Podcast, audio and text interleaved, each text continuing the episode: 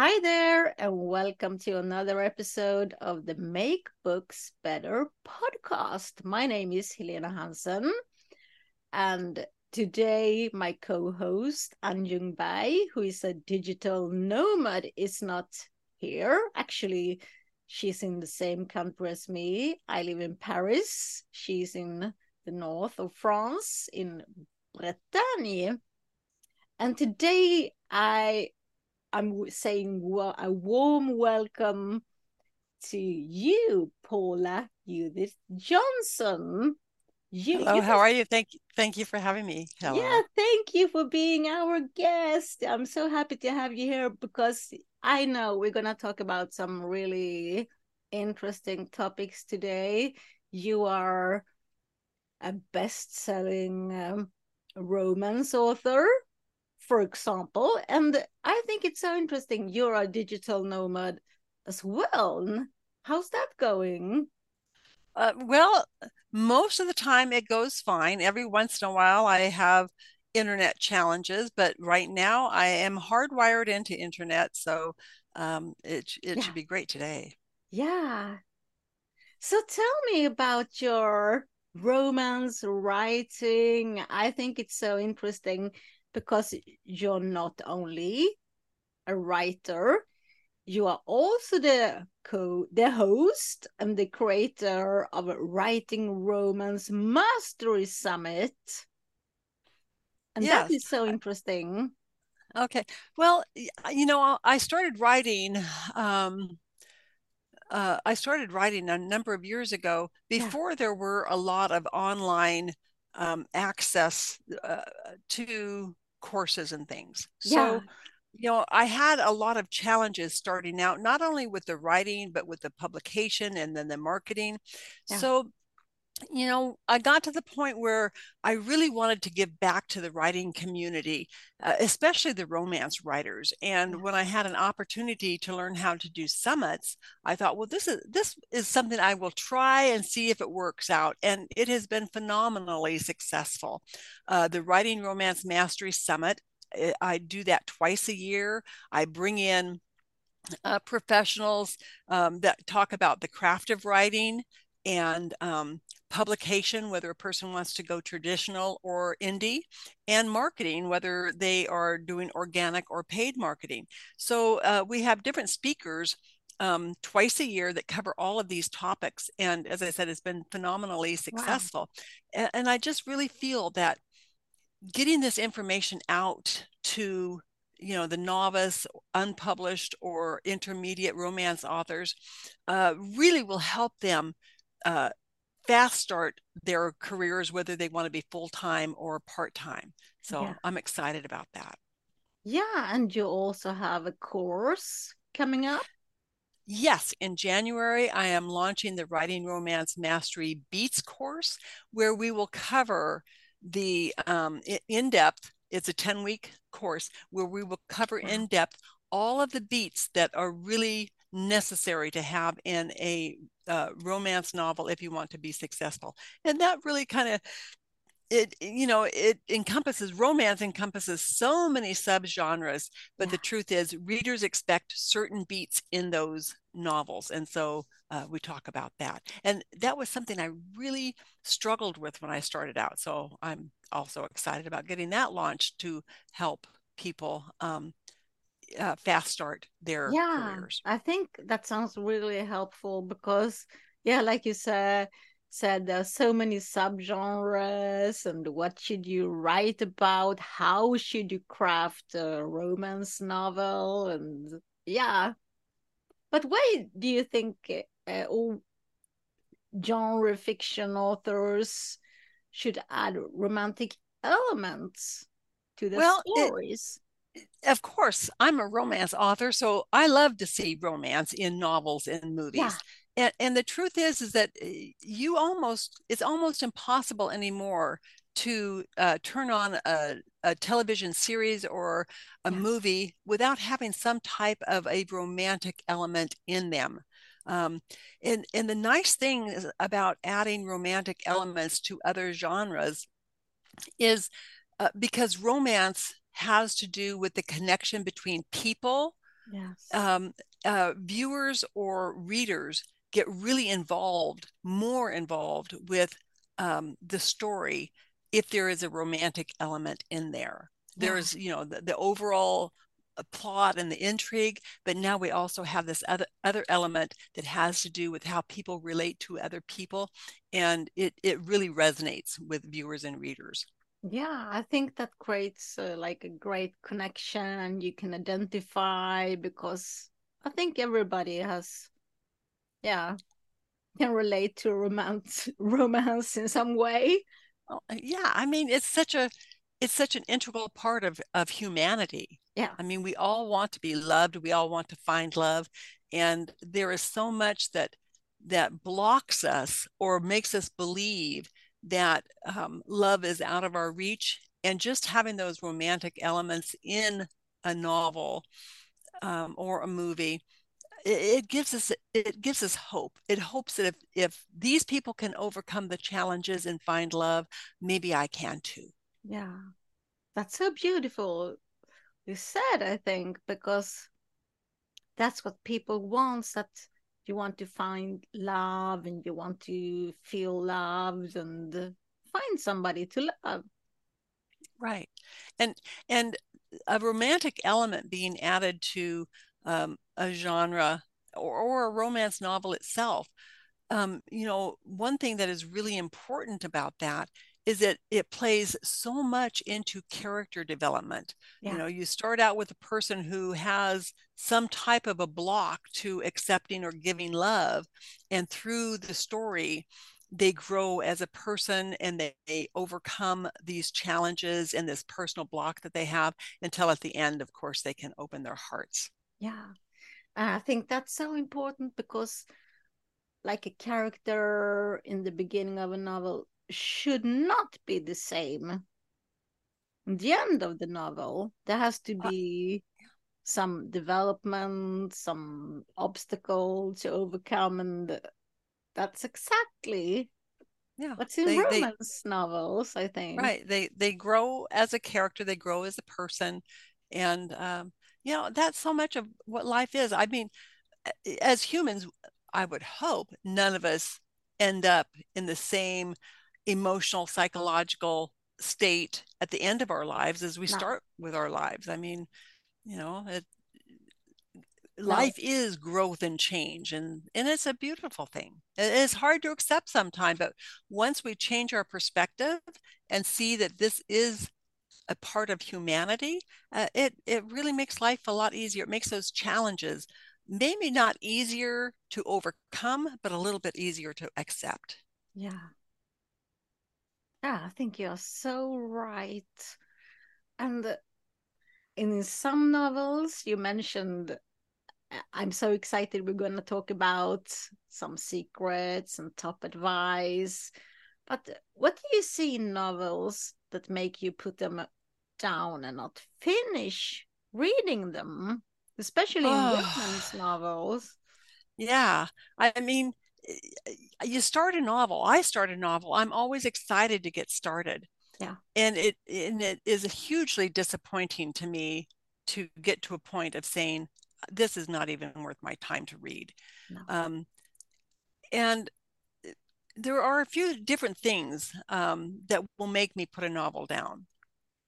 Um, one has to do with um, kind of uh, unbelievable i mean you know you get a you get a novel of any type the idea is that you're going to read it and you're going to suspend your belief yeah. and uh and actually immerse yourself in the story so one thing that will make me put a novel down is if i come across something that pops me out of the story and it might be um poor syntax in the writing you know com- combining um verb types or yeah. something of that nature it's like it just makes it hard to read because yeah. you're always trying to figure out what the sentence means so that will pop me out another thing that will pop me out is um eh, you know what if, if an author has not done their research uh, I write historical, and I find this quite often in historical where somebody hasn't done enough research and they don't know enough about the time period and and or they change history to make their story work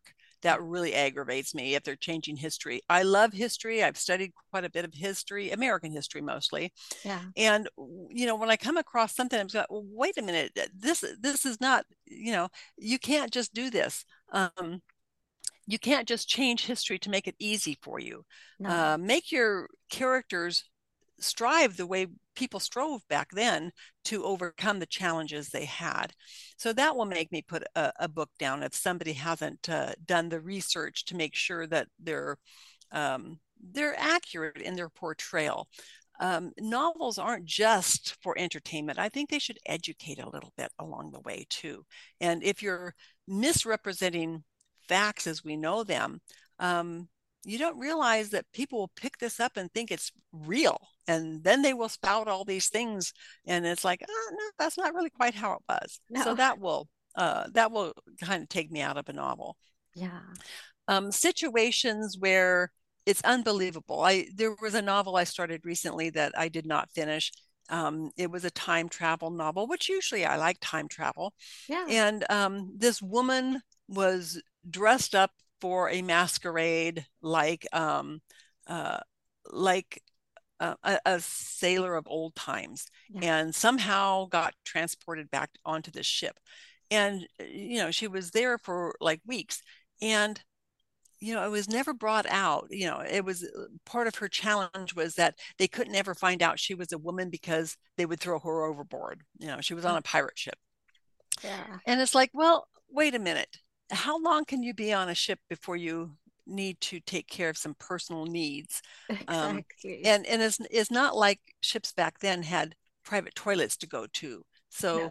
you know if, if you're hanging your uh, back end off of uh, the side of a ship people are going to kind of notice if if it's not yeah. a male you know and uh, you know that kind of thing takes me out i mean i can suspend my belief for a while but not when it is weeks on end of uh, this woman Uh, disguised as a man and nobody catches that I, you know that kind of takes me out. So those are some of the things that take me out of a novel. I think because you're asking the reader to suspend belief of, of the life they live and yeah. go into the life of the characters here make the situations and the characters something that can be related to and and and that we can believe. Yeah. So. Yeah that's that's I totally agree with you because not doing your research when writing, well, that can annoy mm-hmm. readers, I think. You will put the book book down and yeah, you will not continue because if it's not accurate, you yeah, that's annoying. Mm-hmm. And it was so interesting you said about the sentences, the syntax, and uh, maybe that's why you need an editor. Absolutely. Um, yeah. Eh, you know, it might make sense to us because yeah. it's in our heads. Yeah. But we need a set of eyes, whether it's beta readers, ARC readers, uh, an editor, um, exactly. our best friend, somebody with a fresh set of eyes that don't know what's in our head yeah. to read that and see if what's in our head actually uh, is transferred to their head. Exactly, because I think all the time you're writing, you know everything. Mm-hmm. You know what's in your head, what's going to happen, and, and the reader does not. So you cannot uh, expect the reader to read your mind. You have to get that, it out on the pages and make it, yeah, relevant and you mm-hmm. have to be able to identify like you said with the characters and yeah so many well, important things yeah it's just like with proofreading we can't proofread our own work no. because we we know what the sentence says and exactly. we can read a sentence over and over and over and see exactly what we know it means and not realize we have a wrong word in there um, exactly. I, I was recording something recently and uh, um, I, I thought that I had said what I was reading, but when I went back to edit the recording, I realized that I had, instead of saying the word seen, said the word course. Uh, it was part of the course that I'm launching in January. And it's like, well, that doesn't make sense at all. So I had to go back in and, and rework that. but you know that's just it we don't see i mean we do see what we want to see exactly and you read it and like yeah you cannot see the the errors. So yeah. but what would you say? Do you have some number one advices to newer or unpublished fiction authors? Um yes. Well What's first of all Sorry. I, I, am sure that my number one advice changes from day to day, so you might get more than one number one advice here. Yeah. But, uh, uh, the the one thing I it took me a long time to realize, but I do realize it now, is that we all have a, at least one story to tell, and the world needs to hear our story as much as we need to uh, to get it out of our heads and onto paper. So, with an unpublished fiction author, my advice is to take the steps that are necessary to get that published, even if it's only for yourself, your family, um, close friends. Do that because your words mean something and you have value to give to the word uh, the world so get out there and get that published um, and for the newer uh, authors or even the unpublished authors um, what you had brought up before is uh, how important editing is. So, you know, if you don't have the financial means to hire an editor, uh, very definitely use something like Pro Writing Aid or Grammarly. Uh, it will at least help you. It, uh, it will at least yes point out to you where your writing can be improved. Not necessarily that you're going to take all of their suggestions, because there is such a thing as artist license, but it will point out. Uh, um, you know verb contradictions verb noun contradictions it will point out uh, ambiguous pronouns that's one thing that i really hate is an yeah. ambiguous pronoun because a pronoun refers back to the previous noun and so often writers as they're writing, and I'm guilty of this too. You write something and you don't realize that you're referring back to the wrong noun. Yeah. Um, and it just takes the reader a little bit to figure out, well, what do you really mean here? So, uh, very definitely the editing. And, um, you know, uh, and this is something I think that it took me a long time to realize is uh, as you're writing and you get your stuff down, share it with somebody. If you can afford to have a developmental editor look at your uh, uh, manuscript, do that because they will point out weak spots that can uh, be strengthened or things that simply don't need to be there. Um, I remember my very first novel. Um, a woman that I had met at a writing class uh, offered to uh, edit my book for me. And I thought, well, that's really kind of a nice thing to do. I did not know at the time that she was a professional editor, and she edited oh. my, first book for free, which I thought was so sweet of her. Yeah. And I have used her ever since. Um, but uh, there was this one scene in history, I just found it so fascinating. And I wrote an entire chapter about that. Yeah. And and uh, she she said to me, "How does this scene move your story forward?" And I said that doesn't really move my story forward, but it's a fascinating piece of history that I'd like to share with readers. And she told me, if it's not moving the story forward, it doesn't need to be here. Yeah. You need to take it out. It will it will divert your reader's attention from your story. And it broke my heart to take it out. Yeah. And here, all these years later, I can't even remember what that little piece of history was. So obviously, it was not important. No. So, you know, having a different set of eyes, uh, especially a professional set of eyes or somebody who has published um, uh, novels before, they can look and they can point out weak places, things that should not be there, places that maybe you should add something. Yeah. So that's that is a, a my I think my real number one piece of advice. Yeah, that's a great piece of advice because like you said, it has to everything in a novel has to drive the yeah the plot forward. And mm-hmm. it's so hard to kill your darlings. Maybe you love this chapter. But yeah. well what's the purpose?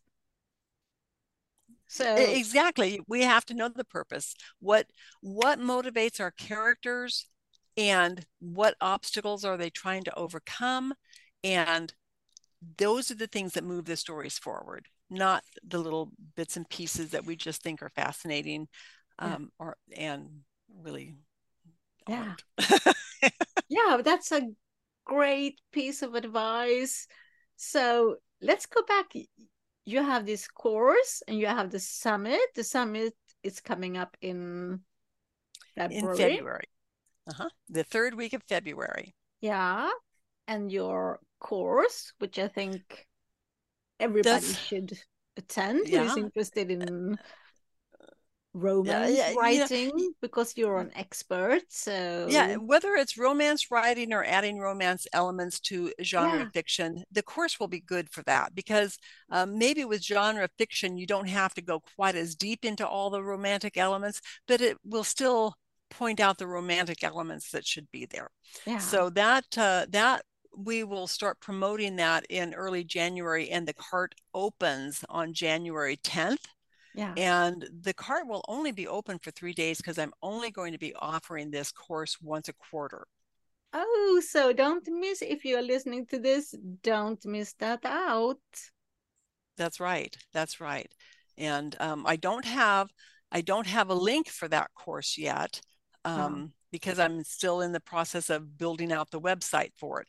But um, I will be having that soon, and anyone who's interested can contact me through um, uh, the links that you have for me. Yeah. And you also have a Facebook group for ro- called Romance Dreamweavers. Yes, the romance uh, group Romance Dreamweavers is for romance authors only. Yeah. So um, if somebody, uh, well, if somebody is including romantic elements in their genre fiction, they would be welcome also.